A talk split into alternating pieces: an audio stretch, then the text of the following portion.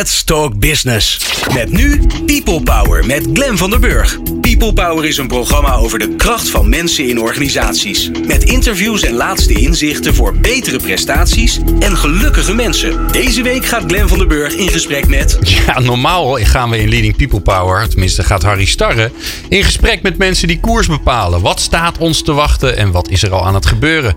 We gaan op zoek naar mensen die voorop lopen. Wat drijft hen? Waarom doen ze wat ze doen? En wat valt er van hen te leren?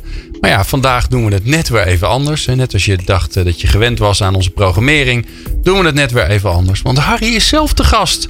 En wij vragen hem, wij, Pieter Jan de Bree en ik, vragen hem de, het hemd van het lijf. Wil je nou op de hoogte blijven van de nieuwste afleveringen van People Power? Meld je dan aan via WhatsApp. Sla ons nummer op in je contactpersonen 06 45 66 7548 en stuur ons een berichtje met je naam. Vergeet die niet, want dan weten we wie je bent. En podcast aan. En dan sturen we je de nieuwste afleveringen direct zodra ze online staan. En wij zijn heel blij dat je luistert naar People Power. People Power met Glen van den Burg. En Pieter Jan de Bree en Harry Starre is onze gast. En wat een leuke. Wat, hoe, hoe, hoe zeg maar toeval leidt tot leuke ideeën, Harry. Ja. Toch? Nou, ja, ik, ik weet wel hoe het is ontstaan. Eh, dus ik wou het niet te ver uit, uit, uitweiden. Eh, een planningsfoutje. Nou, wij hebben, wij, wij hebben hier lang van ja, tevoren over nagedacht. Het werkt in mijn voordeel uit. Zo, zo probeer ik het maar te interpreteren. Dat ik een eh, geluksvogel ben. Het helpt overigens wel. Ik, ik denk altijd dat ik een zondagskind ben. En maar een vriendin van vroeger zei tegen mij: een zondagskind. Je ouders zijn vroeg overleden. Dit is gebeurd, dat is gebeurd. Je hebt daar, ben daar niet aangenomen. Maar mijn geheugen is heel selectief. En ik ben er heel blij met dat geheugen. Je hebt een positief geheugen. Je Ja, slaat ik- ik vooral denk de dingen op die je leuk vindt. Ja, een, goed geheugen is vooral een geheugen dat de goede dingen onthoudt. Ja. Dus jij bent. Ben je dan een blij ei? Ja, ik heb een neiging tot, eh, tot het vertekenen van eh, de gebeurtenissen in mijn voordeel. Dus je hebt, hè, als we dan even naar de gelukstheorie kijken, dan is, is de helft van jouw invloed op jouw geluk, dat is goed geregeld. Hè? Want dat wordt, dat wordt, ja, dat bepaal je zit in je zelf. En ik heb die neiging wel, ja. Dus ik weet nog dat ik zei, ik ben nog nooit ergens afgewezen. En toen zei ze uit haar hoofd, noemde ze geloof ik vijf of zes dingen waar ik voor voor afgewezen was. Dat was ik echt vergeten. Oh ja? Ja, dus ik dacht dat ik nog nooit ergens was afgewezen. Ik heb een slecht geheugen voor afwijzingen. Maar doe je dat, eh, eh, werk je daaraan of zit dat er gewoon in? Heb je dat Nee, gewoon? ik heb, ik heb, eh, mijn vermoeden is dat ik er ook niet zo ontzettend aan gehecht ben. Dus het heeft ook een zekere. Het is misschien ook wel terug te voeren naar. eh, ik doe het vol overtuiging wat ik doe, maar ik ben er ook niet zo ontzettend van onder de indruk en bij betrokken. Dus ik vind. Ik ben mijn hele leven bezig met organiseren, maar ik vind organisaties eigenlijk een beetje een belachelijk eh, gedoe. Dus ik ben vrij onthecht, zou ik maar zeggen, op dat punt. Maar dit is, dit is grappig, want er zit een hele rare spanning zit erin. Hè? Je, Ja. je doet wat je doet met overtuiging en liefde. En naar mensen die jou al wel eens ergens hebben gezien, Ja. die weten hoe dat, ja, hoe, intens het kan zijn. Ja, Maar aan de andere kant, bah, Ook vrij onthecht. We hebben een, een, een bestuurslid van de Baak toen ik daar vertrok. eh, die had me de, geobserveerd tijdens het afscheid. En die zei: Ik heb je geen moment eh, ontroerd of geëmotioneerd. Hetzelfde woord, maar een ander woord dan natuurlijk. En, en ik denk: Ja, dat is ook eigenlijk wel zo, ja. ja, ging je Dus daar... ik ben daar niet, eh, geen moment ontroerd. Ik kan heel, enorm ontroerd raken door wat anderen overkomt. En bij films ga ik huilen. Maar ik heb het wat mijn eigen, mijn persoonlijke belevenissen ben ik vrij onthecht. Je fietst een beetje door het leven. Ja, nou, het doet me niet zo heel veel eh, op de een of andere manier. In ieder geval niet wat je zelf overkomt. Niet wat mezelf overkomt. nee. Ik vind een- het eh, vervelender als ik het bij een ander zie. Ik denk, oh, wat erg. Of dan schieten de tranen in mijn ogen. Maar wat mijzelf overkomt, ja, dat is wat je gebeurt. Is het een zelfgekozen onthechting, Harry? Of is het iets... Ja, eh, het is ook wel. Ik ben, ik, als, als, eh, toen ik op de middelbare school zat, zat op het gymnasium. Zo'n jongen die kan doorleren en niet kan sporten. en eh, en eh, dus dat, dat, gek genoeg heet dat dan gymnasium. maar eh, als je niet kan sporten. En eh, daar was ik geïnteresseerd in de Stoïcijnen. Dus ik schreef een scriptie over de Stoa. En dat ging over dat je, als het ontzettend mee zit, niet te veel onder indruk moet zijn. En als het ontzettend tegen zit, ook niet. Maar wat meer kijkend als het is wat het is. Je, je zet je wel in, maar je moet heel goed je eigen beperkingen kennen waar je over gaat. Dat geldt ook voor je verdriet, maar het geldt ook voor enorm veel applaus of blijheid. Want dat werd me wel eens gevraagd in een periode dat ik eh, eh, in de sfeer van guru werkte. En eh, toen zei iemand, dat, eh, hoe voelt dat nou? En ik heb geen idee hoe dat voelt. Ik bedoelde mee, het is wat het is, zou ik maar zeggen. En ik vond Ja. het wel amusant. Maar ik heb het idee dat ik er nooit echt van onder de indruk ben geraakt. Als je, als je nou naar jezelf kijkt zoals je nu bent, hè? Ja. En je moet je voorstellen, en, en iemand die, die kent jou nog niet. Hoe noem je jezelf dan? Ja, dat zou ik niet weten. Ik doe wat, me, ik doe wat nu zich aandient. Hè? Dus ik doe een beetje wat mijn hand vindt. Ik streef niet, ik loop niet achter dingen aan. Hè? Dus ik ben niet, ik streef geen dingen meer na. Daar ben ik zelf wel blij om, omdat dat. Maar het heeft geen ik- bordje meer. Nee, geen bordje Dus meer. En niet- ik doe een beetje wat, wa- wat me gevraagd wordt, omdat ik uitga van het feit dat mensen daar wel een beeld bij hebben. Ze vragen je niet voor dingen die, je, die zij denken dat je niet kunt. En de enige vraag die ik mezelf moet stellen is: wil ik dat doen? Hm. Dus eh, dat je wat meer ontvangend in het leven staat, maar niet meer najagend. Ik, ben natuurlijk, ik heb me ontzettend ingezet voor een bedrijf dat het mijne niet was, maar dat ik, dat ik voelde als eh, van mij. En eh, soms denk ik ook wel eens dat mijn stijl bij schaken is niet erg verheffend. Ik ben vooral bezig met schaken om niet te verliezen. Dus ik, ik verlies van mijn zoon, want die wil winnen. Daar heb ik niet zoveel mee. Dus ik ben ook in schaken niet zo geweldig. Maar ik ben bijvoorbeeld de baak heb ik geleid. Ik kon heel slecht tegen mijn verlies. Ik wil niet dat het fout gaat. Ik wil dat ik mijn woorden kan nakomen. Daar ben ik heel agressief in. Mhm. Maar om nou te zeggen dat ik heb gestreefd naar 36 miljoen omzet, ja, die kwam er. Maar niet omdat ik dat nou nastreefde. Maar ik wilde het gewoon graag goed doen. En ik kon heel slecht tegen slecht. En voor wie wilde je het dan goed doen? Voor mezelf, om te kijken of ik dat kan. Om, hey, ik ben het aangegaan, dan ga ik het ook doen. Dus eh, ja, dan wil, ik het, dan wil ik er wel wat van maken. Eh, en ik vond het op zichzelf wel leuk om, om van de tribune... Hè, want ik was bang dat ik altijd op de tribune commentaar zou geven. Dat doe ik namelijk graag. Vond ik ook wel aardig om te kijken, kan ik dat nou? Dus ik heb mezelf verwonderd dat ik manager werd. werd ook, dat werd he- heel vaak tegen me gezegd. Jij bent natuurlijk geen manager. En dacht ik altijd, nou... Dan, dan zal het allemaal wel... Hè, dan is al twintig jaar toeval. Ja, dus dus daar, daar doen ze je mee tekort eigenlijk. Ja, denk het eigenlijk wel. Ik denk dat, Ja? er, dat er wel iets achter zit wat betekenis heeft. Alleen, zij hebben dat beeld daar niet bij. En ik vind dat een compliment. Dus, Ja. hè, dus ik stond zeker in het begintijd wel naast mensen die zeiden dan... Wat doet u hier? En dan zei ik, eh, ik ben directeur. En dan zei ze, oh sorry, sorry.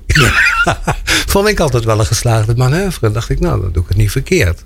Ze naast je staan en zeggen, wat doet u hier? En schrik als je dan zegt directeur. En hoe kwam het dan dat ze dat niet zagen, voelden, wisten? Omdat ze een beeld hadden bij directeur dat ik niet daar ik niet aan beantwoordde toen. Misschien ben ik geleidelijk aan steeds meer op de rol gaan lijken. Maar Maar hoe kwam dat dan? Hoe je eruit zag? hoe ik eruit zag. Hè, de, de, de- ik weet nog wel, ik werkte bij VNO-NCW. En eh Eckhard Winsen zei wel eens tegen mij...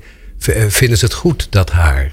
Ja, want je lijkt wel een beetje op Eckhart. ja, hè? natuurlijk. Dus Ja. we waren een beetje van dezelfde school. Dezelfde benadering. Dus dan... eh, en eh, eh, ik merkte ook wel dat ze het niet zo heel serieus nemen wat ik deed. Maar dan zei ze, hoorde ik dan... Nou ja, kennelijk gaat het wel heel goed. En eh, die vorige, die zag er heel netjes uit, maar die verloor elk jaar geld. Hè? en deze jongen heeft, ja, durf ik te zeggen, eigenlijk nog nooit verlies gemaakt. Dus de- ik, ik ben, nee, ik ben, ja, dat hoor je hoop ik wel. Ik ben niet, niet bescheiden hoor. Dus, eh, Nee. Nee, want je, dus, Nee. ja, als je terugkijkt op je periode bij de baker, Ja. de meeste mensen zullen je daarvan kennen. Ehm, van 6 naar 36 miljoen, zeg Ja, ik even, ja, omzet. ja. Wel grappig dat, dat, dat je... Ik, had, ik vind jou helemaal geen cijfermens. nee. Maar dat is toch wel een ding dus. Ja, Ben je daar en dat trots is- op, dat je ja, dat voor natuurlijk, elkaar dat- hebt Maar dat is meer een ontdekking. En ik heb achteraf gedacht, toen ik er het minst mee bezig was, eh, ging het eigenlijk het beste. Dus als je, eh, ik blijf denken dat als je niet te veel met dat geld bezig bent, eh, maar veel meer met eh, hoe maken we er een feest van, hoe zorgen we dat mensen gelukkig zijn, hier wat leren, eh, het prettig vinden, geïnspireerd raken, nou, je, noem dat hele rijtje maar op dan komt dat geld min of meer vanzelf wel. En het vervelende is, alles werkt verslavend. Dus ook voor een bestuur, maar ook voor mij. Dan krijg je van, vorig jaar was dit, dat moet volgend jaar weer beter kunnen. Eh, dat je eigenlijk denkt, verrek, eigenlijk is de onschuld wel een beetje uit het spel verdwenen. Terwijl het zoveel helpt als je er een beetje onschuldig in acteert. Hè? Niet, te, niet te nadrukkelijk, niet te rekenen. Nee. En ik vind mensen ook veel leuker die niet al te berekenend zijn. Die gun ik het meest. Maar wat is dan jouw bronhouden? Want ik, ik merk, ik, ik zit opeens te denken en denk, ja, jou, jou willen definiëren, dat is bijna een onbegonnen zaak. Ja. Want jij houdt er helemaal niet van om gedefinieerd te worden. En ik ben ook niet zo erg doelgericht, omdat ik doelgerichtheid niet het hoogste niveau van mens zijn vind. Wat dan Ik- wel? nou, eh, eh, door de stad banjeren en om je heen kijken vind ik echt topniveau. Omdat? Omdat je dan dingen waarneemt en niet uh, ergens op uit bent, vind ik altijd wel mooi. Ik, ik hou ook van kunst omdat het nergens toe dient. Daar zijn we echt op ons allerbest. Ja, dus je wil, jij zoekt naar het moment ja, ja? in het moment kunnen acteren, zijn, maar wel zelf kunnen bepalen. Ja. Dus alles is paradoxaal bij jou. Ja, ik ben voortdurend denk ik in paradoxen.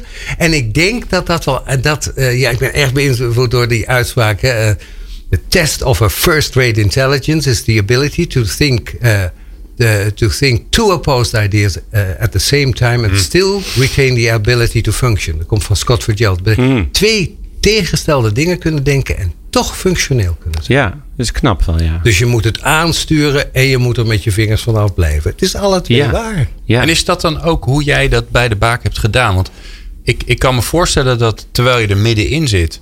Eh, en je zou vragen, goh, waarom gaat het zoals het gaat? Dan is het lastig om een antwoord te geven. Maar je kunt nu terugkijken. Ja, ik denk terugkijkend dat het... Uh, sterk was gebaseerd op de wilsvorming van mensen zelf. He, bijvoorbeeld, uh, uh, we hadden, er waren meer mensen dan we konden betalen. Hè. Dan, over het algemeen definiëren we dat als een probleem. Dat heet dan verlies, toch meestal? Ja, nee, maar dat, dat, dat kwam er dus aan. Kon je uitrekenen, krimp en dingen. En toen hebben we gezegd, weet je wat? De mensen die hun eigen geld verdienen... die blijven gewoon doen wat ze doen. En we maken een groepje dat bij elkaar gaat zitten... en dat vooral zich laat sturen door wat wil je graag doen. Doe dat dan maar. Hè? Want we hebben toch al.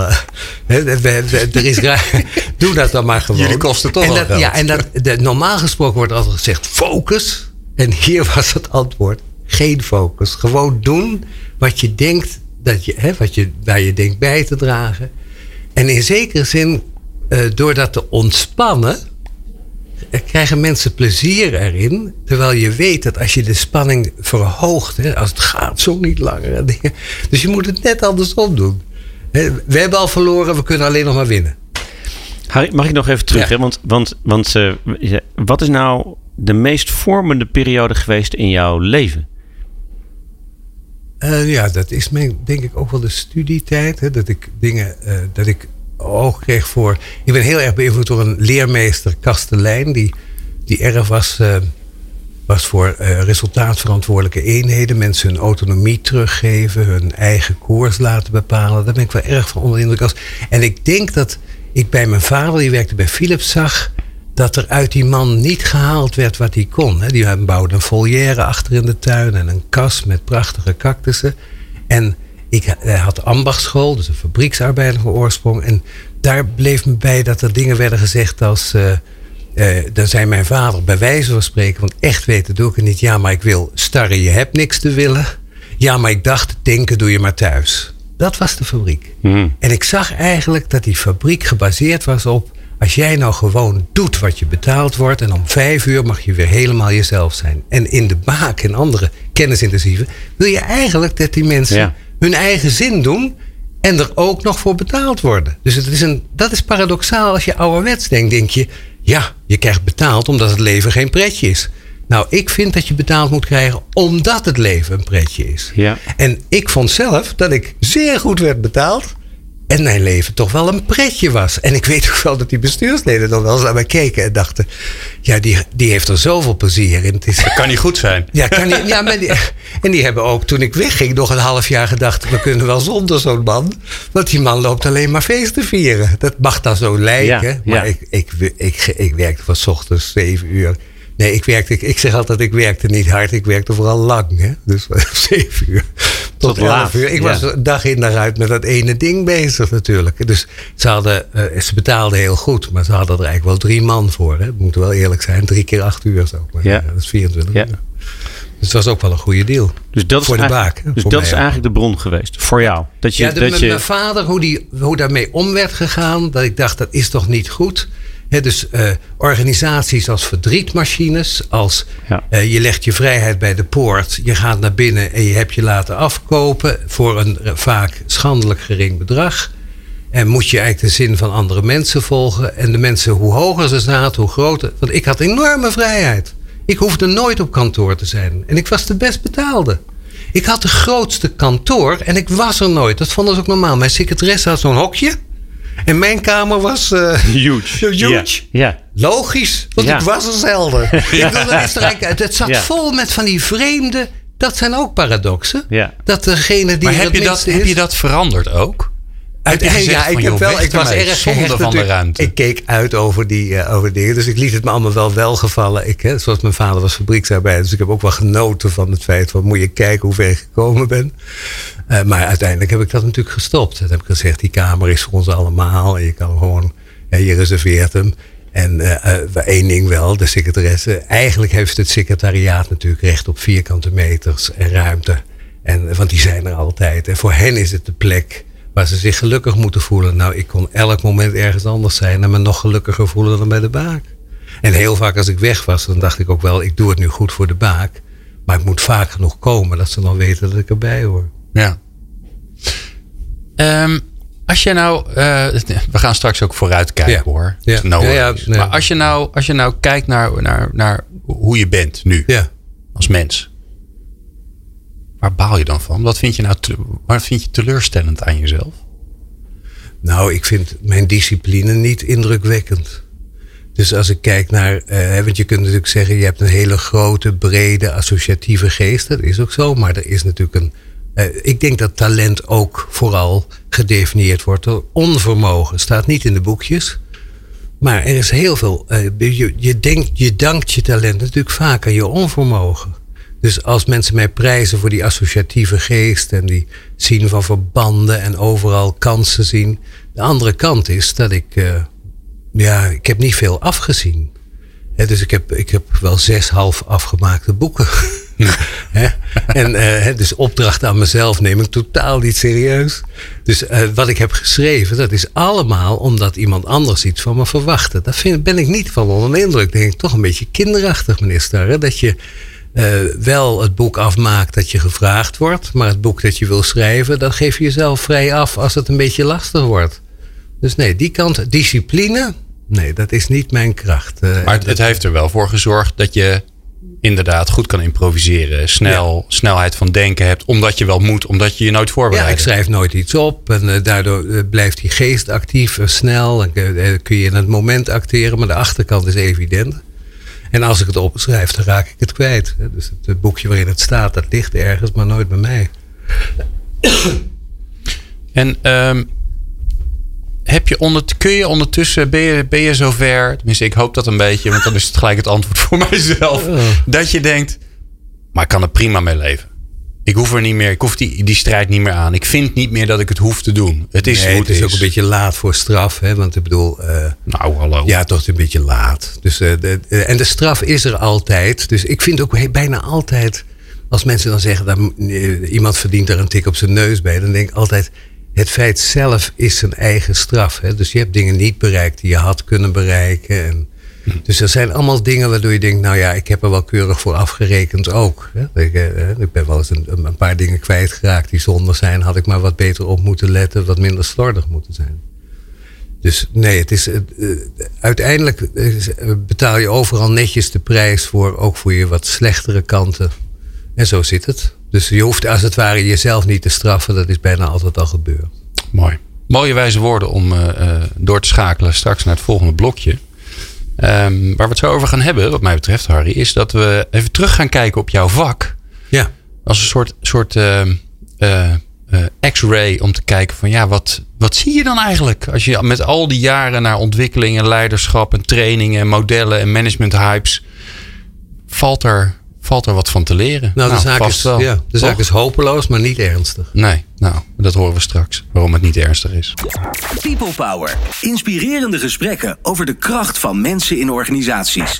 Met Glen van der Burg. En Pieter Jan de Bree. En Harry Starre is vandaag onze gast. Ja, ik, ik zal het nog, nog één keer even duidelijk maken. Normaal ben je gewend dat Harry uh, het interview doet bij Leading People Power. Vandaag is hij zelf uh, het onderwerp van gesprek. Of tenminste, wij stellen hem vragen en hij geeft antwoorden gaat je best goed af, Harry. Ik dacht, uh, ik zat een beetje te, wachten op het moment dat je, dat je toch weer uh, in de vragende vorm ging zitten. Maar dat is nog niet gebeurd. Dus dat gaat heel goed. Ja. Harry, uh, we hebben het net even, nou even, best wel uitgebreid over jou gehad. Daar kunnen we gewoon een uur over doorkletsen. Maar ik ben zo benieuwd. Hè? Jij, zit, jij zit al best wel, je bent nog hartstikke jong, maar je zit toch wel een tijdje in het vak.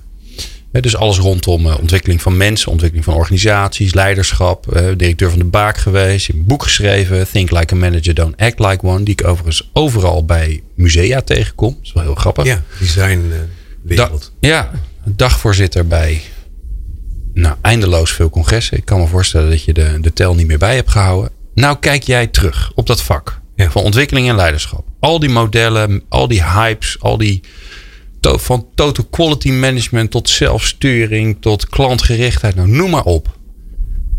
Wat zie je dan? Wat valt daar nou van te leren als je daar nou een prikker doorheen moet steken? Nou ja, als je zo een hele lijn trekt, dan.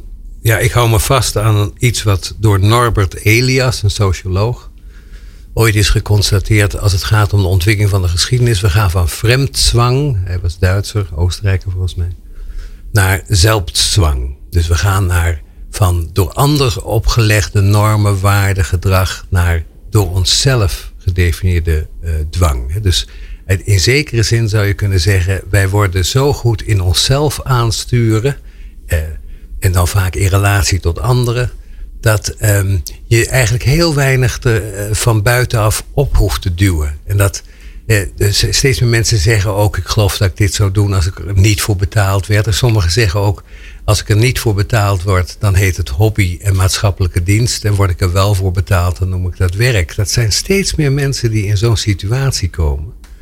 Uh, en het, je zou ook kunnen zeggen, het is een internalisering, niet zonder gevaar, hmm. van de normen en waarden waaraan we ons verbinden.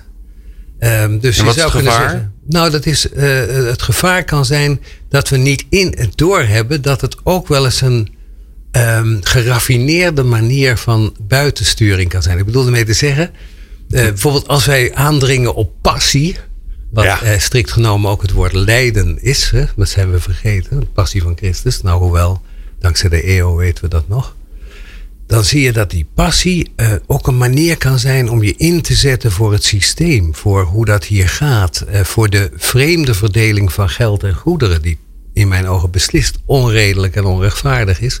Maar dat we dat als het ware niet doorhebben. Dat de nieuwe bazen zeggen: ga, je bent een kunstenaar van je eigen leven. Geef dat vooral zelf vorm. En ondertussen heb je niet door dat je ver over de acht uur inzet pleegt. En dat is door de Nederlandse Bank gezegd de lonen stijgen niet zo ontzettend. Hè? Dus je moet ook nog zeggen, het zou er zo kunnen zijn dat er dat systemisch gesproken een aantal mensen zitten te lachen vanuit bepaalde posities. Ik denk dat John, de Mol af en toe wel moet lachen van, eh, om al die mensen die het helemaal op passie doen. Tegen te geringe vergoeding als je kijkt naar wat hij eraan overhoudt. Dus het, je moet ook wel op blijven letten. Dus ik denk dat we de maatschappelijke kritiek een beetje uit het oog verloren zijn. Dus de kritiek, kritische blik op, ik zeg het maar even, maar ik verlies er altijd vrienden door in de gezelschap ben. Uh, kritiek op het kapitalisme. Nou, mhm. nou is het woord mhm. gevallen. Maar als je, je weet al, als je dit woord laat vallen, dat bijna altijd de meesten hun hoofd omdraaien en denken: ja, zo wil ik niet denken. Nou, ik denk nog steeds een beetje zo. En Harry, ik moet gelijk denken aan, uh, aan wat er natuurlijk nu gaande is met, uh, of tenminste gaande is, wat je heel veel hoort over generatie I. Ja hè, die, die extreem veel last van burn-out hebben op hele jonge leeftijd. Terwijl je denkt, hoe kan dat? Ja. Hè? Maar wat je daar natuurlijk hoort en ziet is, nou ja, hè, ja de ideologie. zelfdwang. Je, je, kan alles, je mag alles, je kunt iedereen worden. Als je niks van je leven maakt, ben jij je eigen ja, schuld. Dan heb jij het zelf gedaan, sukkel. Ja, en ook een zelfbeeld creëren waarin het allerhoogste haalbaar is. Waarin je eigenlijk mislukt bent als je niet roem hebt verzameld, veel geld. Dat zijn allemaal. als je dus geen start-up bent, ben je een loser. Ja. Toch? En als die start-up niet groeit en als je niet. Uh, dus we, we, hebben onszelf laten wijsmaken dat geluk alleen voor de top 5 is en wie er niet in zit. Dus ik weet nog, Rijkman Groening, die zei: ABN Amro hoort in de top 5 thuis. En dat is een vorm van denken die maakt dat geluk buiten de top 5 niet zou bestaan ik weet wel dat als ik nu tegenwoordig overdag, ik ga graag overdag naar de film en dat soort dingen. Als ik dat dan zeg tegen mensen, dan zie ik wel dat degene nog in het systeem zitten, dan een beetje jaloers naar je kijken. En ik denk met alle reden. Ja. Maar wie heeft zich laten wijsmaken dat je overdag altijd keihard moet werken? Nou, ik hoorde daarbij. En ik wou de, de rest van de tijd nou eens meemaken dat ik weer zonder agenda door, door de stad ga lopen. En Glenn, dan vergeet ik wel eens een afspraak.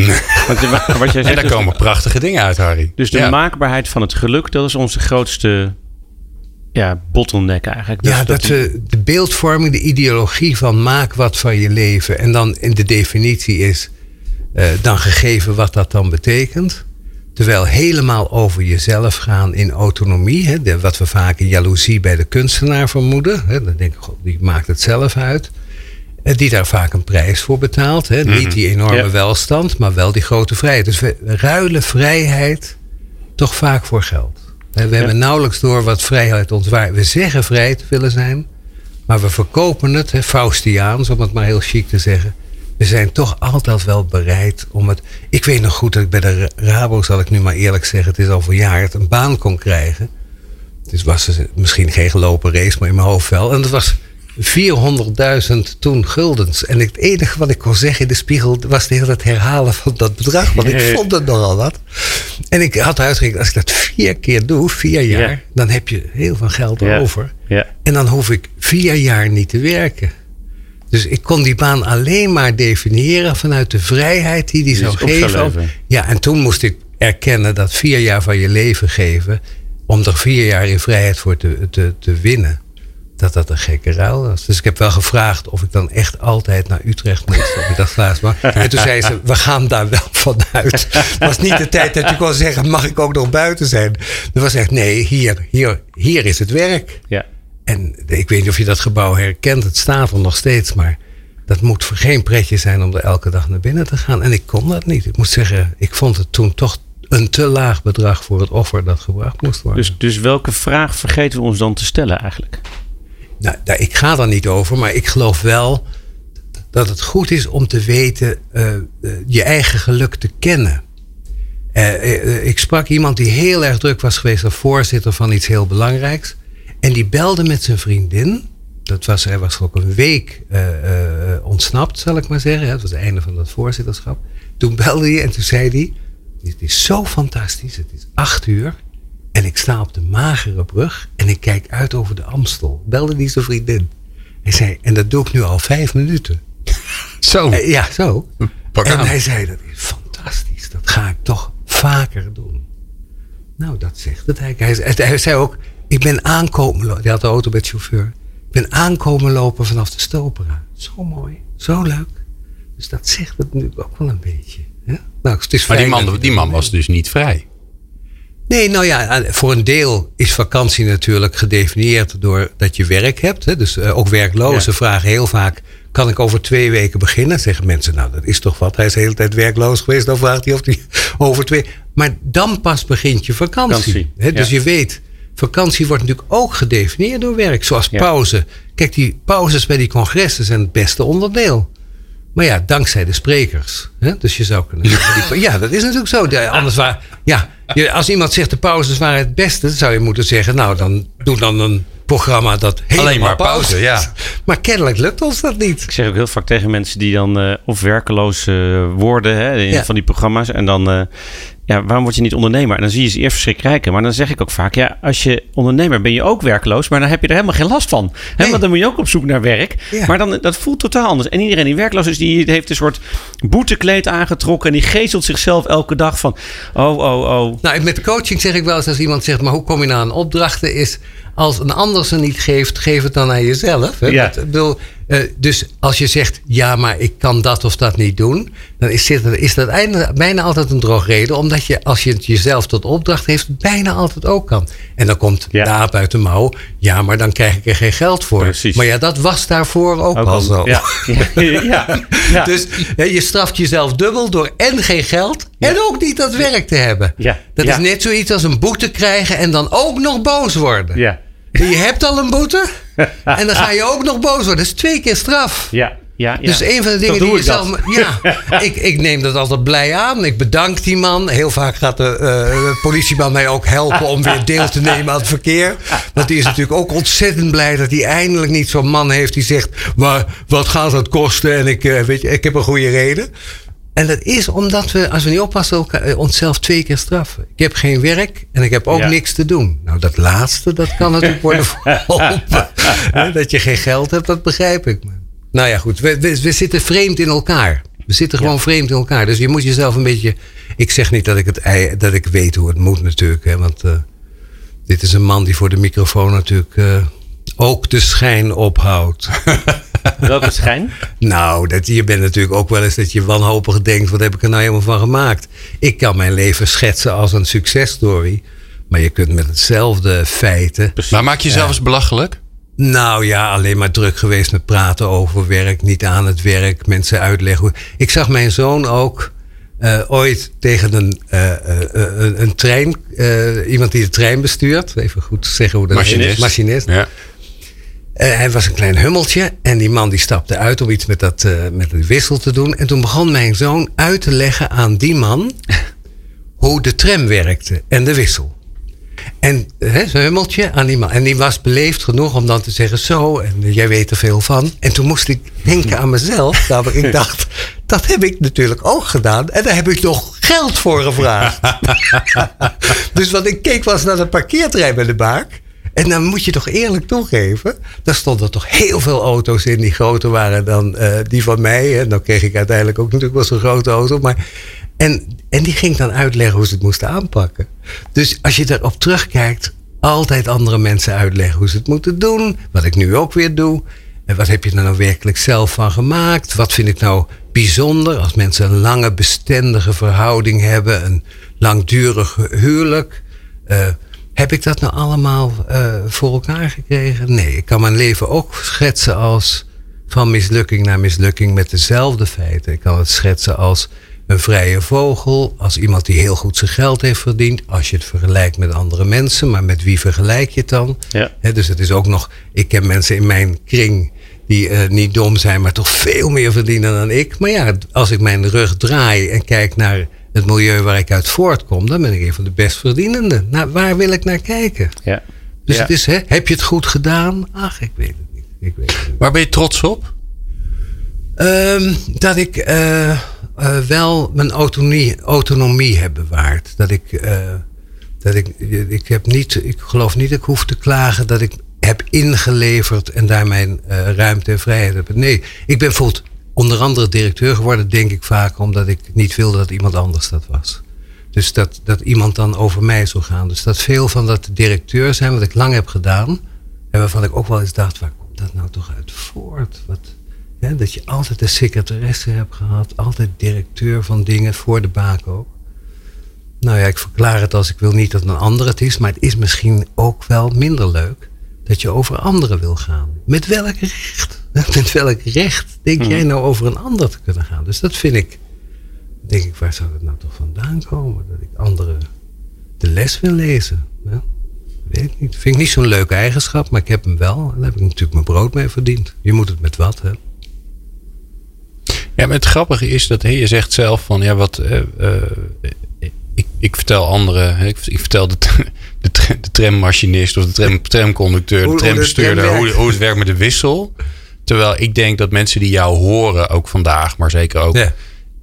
um, misschien, zelfs al zou je ze niet zoveel nieuws vertellen, dan zou ik, en dan geef ik je gelijk een fijn compliment, de, door de manier waarop je het vertelt. Ja, misschien is dat En door de vragen die je eromheen stelt, help je volgens mij mensen heel erg. Ik ben verliefd op de taal. Dat is wel zo. Ik, ik, ik, ik, ik hou van poëzie, van literatuur, van je kan het ook anders zeggen. Dus ik heb wel een schoonheidsgevoel. Hè, zoals een, uh, iemand die architect is zegt, ja, die muur kan zo niet. Dat kan een stuk beter. Dat heb ik met de taal. Dat kan je anders zeggen. Dat en dat is ook een verleiding, hè, dat je er... Uh, je gaat badderen, dat je het overdrijft. Dat is natuurlijk mijn valkuil. Maar ik hou wel van, je kan het ook anders zeggen. Je kan het ook leuker formuleren. En als je de vorm verandert, verander je hoe dan ook ook de inhoud. Dus het is meer dan alleen vormgeving. Het is ook anders naar de dingen kijken. Ja, want als mensen jou niet zo serieus zouden nemen, wat zou je daarvan vinden? Ja, dan moet je naar een ander, uh, uh, hoe heet het, een ander podium. Hè? Je moet als het ware de context die je waardeert zoeken. Dan straf je jezelf. En dat zie ik wel vaak, en dus met coaching valt me dat op als ik dat doe. Dat mensen ook heel vaak de waardering zoeken op een plek waar ze die niet krijgen. Terwijl ze één deur verder hè, op het schild zouden worden getild. En nou kan het goed voor je zijn, voor je karakter. Maar je moet natuurlijk niet je hele leven laten verpesten. Doordat je in de verkeerde sfeer gewaardeerd wil worden, dan moet je van context veranderen. Gaat ergens anders doen. Ja, want wat ik zo mooi vind van jou, Harry, is jij, jij, jij doet je ook voor alsof het, men het niet zo serieus moet nemen. Maar ik geloof niet dat je het prettig zou vinden als het niet serieus genomen zou worden. Nee, en dan, en dan geef ik mezelf ervan de schuld. en, en dan denk ik altijd, of ik moet veranderen van context, of ik vertel het verkeerd of ik doe het verkeerd. Ja. En de wereld is een rijk domein, dus heel vaak is het makkelijkste dat je je gewoon omdraait en een ander uh, podium zoekt, een andere hm. plek zoekt. Waar hm. je, en ik denk dat veel mensen dat vergeten te doen, omdat ze denken dat ze daar het moeten doen. Daar moet en in welke context moet jij, ga je gewoon niet meer heen? Daar heb je gewoon niks te zoeken. Nou, ik, een voorbeeld nu. Ik woon ook in Nice en dan had je de Nederlandse club. Als ze luisteren, prachtige club. en, uh, Sorry. ja. en, uh, maar toen wist ik wel, dat, dat is niet mijn kring, dat is niet mijn milieu. En ik heb dat wel eens vaker en dan, uh, dan blijf ik kort. En dan, uh, maar za zakelijk? Op, op, oh, zakelijk ik, ik ben Tegen wie zei, zeg je van nou nee... Dat... Ik ben niet zo op CEO's bijvoorbeeld. Dus ik, daar voel ik me niet zo prettig bij. Ik heb dus CEO's van grote bedrijven, ik ken ze dan wel, maar het is niet mijn. Dat is niet mijn milieu. Daar wil ik, uh, dat, dat voel ik me niet prettig bij. Dus dan denk ik, daar moet ik een beetje uit de buurt van blijven. En ik, dat is intuïtief, want ik weet niet waarom. Weet je waarom? waarom want wat, wat mis je daar dan? Dat, dat je... Nou, ik voel me daar niet zo prettig bij. Eigenlijk, ik denk dat, het, uh, dat ik. Uh, misschien dat ik me minder waardig voel. Want nee, het betekent, uh, ja, ja, ik vind het lief dat je zegt waarom zou je, maar uh, dat het ook wel iets te maken heeft met het arbeiderskind dat ik ben. Dus dat zou wel eens kunnen zijn dat dat een van de redenen is. Het is niet ontzag, dat is het niet. Maar het is me niet. Ik denk dat we dat onderschatten. Dat je soms als het ware. Je kan je wel gedragen, je weet het wel. Maar het zal nooit. ik heb nog nooit verlangd naar een huis met een oprijlaan. Snap je? Mm dat kan ik niks bij. Een grote auto ook niet. Waar ik wel jaloers, want dat is een indicatie. Als iemand om het jaar een boek schrijft. Ja, ja. Daar heb ik wel wat mee. Daar heb ik respect voor. Oeh, hm. Maar een oprijlaan, nee, daar kan ik nou niet voor gaan. Dat, dat maakt op, in mij niks wakker. En dat is een CEO, is in mijn beeld. Een oprijlaan is een oprijlaan. Ja, dat is met, een, met, een, met een grote auto die er te weinig staat. Dus je mist ja, in een huis waar je nooit komt, maar waar je vrouw heel erg van geniet. Ja, ja, ja. Dus je mist die verbinding om, eh, daar eigenlijk. Hè? Dus je kan je daar moeilijker toe, toe verhouden. Ja, en misschien confronteert het wel met mijn onvermogen om dat te doen zelf. Dus dat ik dat niet. Uh, zoiets. Ja, mooi. We praten zo verder met uh, Harry Starre, want die is onze gast vandaag. Daar zijn we heel blij mee. En, en we gaan straks gaan we vooruitkijken naar de hoop en de angst. Dat hoor je zo. People Power met Glen van der Burg. Meer luisteren? people-power.nl Met Pieter Jan Bremen, fijne co-host en collega. Joehoe. Ja, ja, was ja, ja, hij was niet geweest vandaag. Dus ze moest die Hij geeft geluid. En, uh, en Harry Starre is onze gast. We hebben, uh, hebben gekeken wie Harry is. Tenminste, voor zover je dat in een kwartiertje voor elkaar kan krijgen. We hebben gekeken, uh, nou, als je nou terugkijkt op je vak. Wat, wat zie je dan eigenlijk? En um, zou het nu wel leuk vinden om, om naar de toekomst te kijken. Harry, wat hoop je dat er gaat gebeuren? Nou, dat we, het is een uh, dat we um, in het reinen komen met onze verslavingen. Dat geloof ik, dat, dat zou wel fijn zijn. Dat we wat wij verslijten voor voorspoed, dat veel van die voorspoed eigenlijk baat heeft bij uh, het uh, verslaafd maken. Uh, ik vind een van de meest kenmerkende uh, tekenen daarvan is dat in de gaming-industrie staat, krijg je sterren en weet ik wat je allemaal krijgt voor zo'n game en een recensie. En dan staat er bijna altijd als een addictive game. Ja, het is een verslavend. ja, en dat betekent eigenlijk dat wij een vreemde samenleving hebben. Wij willen mensen verslaven aan, aan, aan, bepaalde vormen van voedsel. En, en op het moment dat ze echt verslaafd zijn, dan noemen we ze losers. Dus eigenlijk, als wij slagen in wat we ambiëren, allemaal opgeteld en individueel, dus uh, ze kunnen niet zonder deze auto. Maar als dan mensen failliet gaan aan een BMW, uh, hun plek niet kennen en daar alles voor over hebben en thuis niet tevreden, maar wel de auto, hè, dan zeggen we ineens loser. Dus het vreemde is dat die hele samenleving lijkt wel een samenzwering te zijn om ons aan dingen te verslaven en dan tegelijkertijd een test om daar uh, jezelf in te blijven en maat in te houden. Dus we krijgen eigenlijk twee signalen. Geef je over en hou maat. Geef je over en hou maat. En degene die in zekere zin volledig meedoen, die noemen we losers. Dat fascineert me. Dus dat is een uh, thema dat me nu erg bezighoudt. Hoe we maar en, en wat hoop je dan, hoe, hoe, hoop je dan dat eruit komt te zien? Nou ja, dat, dat we de volgende fase van wat je zou kunnen zeggen, uh, autonomie, zou kunnen zijn dat je, dat je um, de systeemkanten van die autonomie, dat je die begint in te zien. Waar ik eerder over sprak, is dat, die, uh, dat de kritiek op hoe dat systeem werkt, dat we dat wat serieuzer nemen. Ik heb erg bijgedragen aan het individualiseren van verantwoordelijkheid. Je bent zelf verantwoordelijk. Dat is bevrijdend, maar ook beklemmend. We hebben elkaar nodig. Mm Dus het gaat ook om hoe we de zaak als gemeenschap inrichten. Dat vraagstuk, dat is wel een beetje uit het zicht geraakt. Dus het wordt nu wel erg de toevallige uitkomst van al die bewegingen, vrije markten en uh, de, het vindt zijn eigen evenwicht. En we praten te weinig over hoe willen we nou dat die wereld in elkaar zit. Willen we nou dat het water geprivatiseerd is en de energie geprivatiseerd is en de transport geprivatiseerd is en dat ieder voor zich. En ik zie nou mensen die te weinig geld hebben, contant om het OV in te kunnen. Ik zie mensen die hun kind niet naar de voetbal kunnen laten gaan. Ja, ik hou van een samenleving waarin bij wijze van spreken de muzieklessen gratis zijn. En, en, de, en het voetbal gratis is. Ja, daar moeten we dan met elkaar voor dokken. Maar ik vind het wel een heel prettig idee dat we elkaar belangrijk genoeg vinden dat niemand in ons land dakloos hoeft te zijn. Ik vind het. Ik slaap gewoon slechter anders. He, zou ik zeggen. Niet omdat ik een goed mens ben, maar omdat ik denk, wij verdienen een samenleving waarin we verantwoordelijkheid nemen voor het grotere geheel. Ja. En we hebben ons een beetje in het ootje laten leggen. Je bent de maker van je. Dat is een hm. autonomie-definitie die de ander buitensluit. En uiteindelijk eindigen we allemaal op onszelf teruggeworpen en eenzaam. Dat vind ik een treurig perspectief. En ik zie dat perspectief als dreiging. En ik, zie, ik hoop dat mensen steeds vaker zeggen: hoe jij het hebt, is voor mij bijna misschien net zo belangrijk. Als jij mijn broer was, zou ik niet prettig slapen als jij niet te eten ja. Ja. Kunnen we elkaars broer zijn? Kan ik van jou denken, ik wil dat jij voldoende hebt.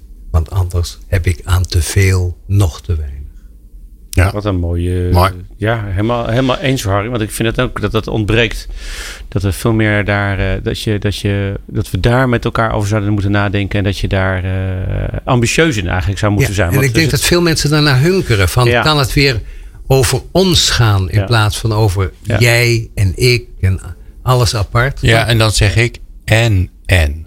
Want dat vind ik zeker als ik als we even weer terugbrengen naar het thema werken, dan is natuurlijk autonomie het woord waar je ondertussen mee doodgegooid wordt. Sterker nog, ik zag een niet nader te noemen opvolger van jou bij de baak, die ondertussen weer weg is en allerlei spotjes zeggen. Autonomie, dat is hetgene waar het om gaat. Dat is wat, hè, als je voor autonomie zorgt, dan komt het allemaal goed. Nou, dat is natuurlijk klinkklare onzin, want heel veel mensen verzuipen daarin. Je moet ook verbonden zijn. Ja. dus het is en en. Ja. ja, ik wil autonoom zijn, maar ik wil ook verbonden zijn. Ja, ja je broeders broeder. Dat je, dat je, ja, dat je, daar zit de verbinding. Dat je, ja, en, en, en dat je het vermogen ontwikkelt van iemand te houden die je niet kent. Ja. Wij doen net alsof je alleen van iemand kunt houden als je die kent. Nou, ik denk dat het toppunt van mens zijn is dat je iemand niet eens hoeft te kennen om hem toch van te houden. Ja, ja, ja. En dat, hè, we kunnen heel goed voor onze directe kring zorgen. Hoe het met mijn kind gaat allemaal hoe het met mijn. Ja, nu is het eerst voor jezelf zorgen en dan pas kan je voor een ander zorgen. Terwijl natuurlijk, dat, dat is zonde dat dat zo nadrukkelijk is. Nadrukkelijk. En we weten ook dat mensen die goed voor anderen zorgen, daar A, het meeste baat bij hebben, de hoogste levenskwaliteit genereren. Ja. Dus ja, het inpakken van een cadeautje heb je eigenlijk al een deel van dat cadeautje weer terug. Hè? Ja, ja. Tijdens het inpakken. Iedereen weet dat. je bent het aan het inpakken en je denkt, oh, dit is zo leuk. En oh, wat zal die. En wat, je bent blij dat je aan het goede hebt gedacht. Ja. Nou ja, dan denk ik, dan heb je de opdracht al binnen voor je gegeven hebt. welke mensen ken je die daar ambitieus in zijn? Die daar tegenwoordig een, een, een, een visie of een mening over hebben die ze heel erg uh, etaleren? Ja, ik weet, ik, de, de, de aarzeling is natuurlijk, moet je dat etaleren of moet je dat leven? Nou ja, ik, de, ik vind ik, in de ambitie vind ik het wel etaleren. Dat vind ik, zou ik het mooi vinden. Dat... Nou ja, dan, dan, je overvalt met die vraag, ik ja. roep hem op. Zou zo, ik, ik merk wel bij mensen die waarvan ik, ik probeer bijvoorbeeld. Ik, ik, ik, ik doe wel eens rondvaarten met mensen die ik uitnodig. Dan nodig ik mensen uit omdat ik dan denk. Die doet heel veel voor anderen. Die doet heel veel voor anderen. Dus ik, ik zie wel heel veel mensen die heel veel voor anderen doen en teweeg brengen. En ik denk dat het niet is dat je die dan prijzen geeft, maar dat je waardering deelt. Mhm. Die doet dat, die doet. En ik had laatst was ik met tien mensen en toen dacht ik, ze doen allemaal wel bijzondere dingen eh, voor het grotere geheel. Dus, het is, toen ik dat zo langs liep. Dus het barst er in zekere zin. Het ligt ook aan hoe je naar de mensen kijkt. Ja. Maar ik zou zo even niet. Eh, ik, de, de, de, de, de uitnuttingsorganisaties, hè, de Facebooks en de, en de Googles en zo, dat, die zijn toch wel gebaseerd op die rendementen, op die. Hè, dus eh, zodra Warren Buffett gaat kopen, dan zeggen mensen dat is goed, maar je weet gewoon, daar is de marge, de onttrekking aan de arbeid eigenlijk het grootst. Het kapitaal, om het ouderwets te zeggen, is, nog nooit, is het nog nooit zo goed gegaan. En de factor arbeid uh, is veel te weinig beloond. Uh, en aan de onderkant schandelijk, aan de bovenkant evident schandelijk. Maar dat is eigenlijk niet zo belangrijk. Ja. En het feit dat aan de onderkant mensen niet voldoende hebben, vind ik veel belangrijker dan of sommigen te veel zouden hebben. Waar maken we het ons druk over? Hè? Aan die bovenkant. Maar we moeten eigenlijk zeggen, mensen die te weinig hebben, daar moeten we ons druk over maken. Niet over wie te veel heeft vind ik soms ook wel pijnlijk, denk ik altijd. Maak je nou eens druk over de mensen die geld nodig hebben. Ja. Ja. Ja. Hé, jongens. Ja. Ouderwets, hè? Ook ouderwets. Dit. Laat ik, ja. ja. laat ik maar even... Um, uh, want we moeten ook een keer een strik eromheen doen. Hè, dat heb je nou eenmaal. Want uh, op een gegeven moment is het uur voorbij... en dan worden we hier gewoon uh, naar buiten gedeeld. Ja, ja. En dan, komt, dan komt de volgende ploeg binnen. Laat ik maar zeggen, dankjewel, Harry. Graag, dankjewel. Ik vond het uh, bijzonder fijn uh, dat jij uh, totaal vergeten was een gast te regelen. Wat, wat geweldig. ja. Ik, ja, ik hou daarvan. dus ik, ik hou van dit soort. Ja. De, er ontstaat iets wat je moet oplossen. En dan komt er een oplossing. En dan bedenk je iets nieuws. En het is nog leuk ook. Sterker nog, misschien wel leuker dan de gast die je had meegenomen. Ik weet we weten niet. toch niet wie het is, dus die nee, kunnen we best de schuld geven. Uh, dus uh, dankjewel. Uh, fijn, fijn dat je hier was, bent. Pieter Jan, dankjewel. Leuk om samen te doen. Ja. Ik hoop dat het leuk was om naar te luisteren. Ik denk het wel, want ik heb lol gehad. Dus waarschijnlijk zal jij als luisteraar ook wel lol hebben gehad. Ja, en mocht het niet zo zijn, te laat. Ja, ja, als je dit hoort, dan, dan ben je wel een beetje aan de late kant. wij zijn er natuurlijk volgende week weer. Um, met People Power. En uh, wat hebben we? Wie hebben we? Ik ben hem gewoon een beetje van mijn apropos zelfs. Wil een feest zeggen. Oh ja, volgende week uh, komt Jaap Jongejan. Hij is uh, directeur van SBI Formaat. Hij houdt zich bezig met het opleiden, trainen van mensen van ondernemingsraden. In Doorn. In Doorn, ja, je kent hem. dat is, ja, was vroeger een van je concurrenten. Want dat was ook een, een opleidingscentrum. Een fijne collega. Een fijne, een con, oh ja, conculega vind ik altijd zo'n rot woord. Maar het leuke is ook, hij is ook, hij is ook betrokken bij ACE. Een, een, zeg maar een netwerk van eh, werkgevers die bij elkaar komen om eh, de arbeidsmarkt wat uh, fluider te maken en, en te zorgen dat mensen van werk naar werk kunnen gaan. En we praten met hem in onze reeks over de ontwikkelingen op de arbeidsmarkt. En we hebben volgende week ook nog een, uit, een aflevering van HR Creates People Power. Dus kortom, ik vond het fijn dat je luisterde. Als je wat ervan vond, dan horen we het ook graag. Als je het stom vond, of juist heel leuk. Um, en uh, ik hoop dat je volgende week weer luistert om drie uur naar People Power. Doei. People Power met Glen van der Burg. Meer luisteren? people-power.nl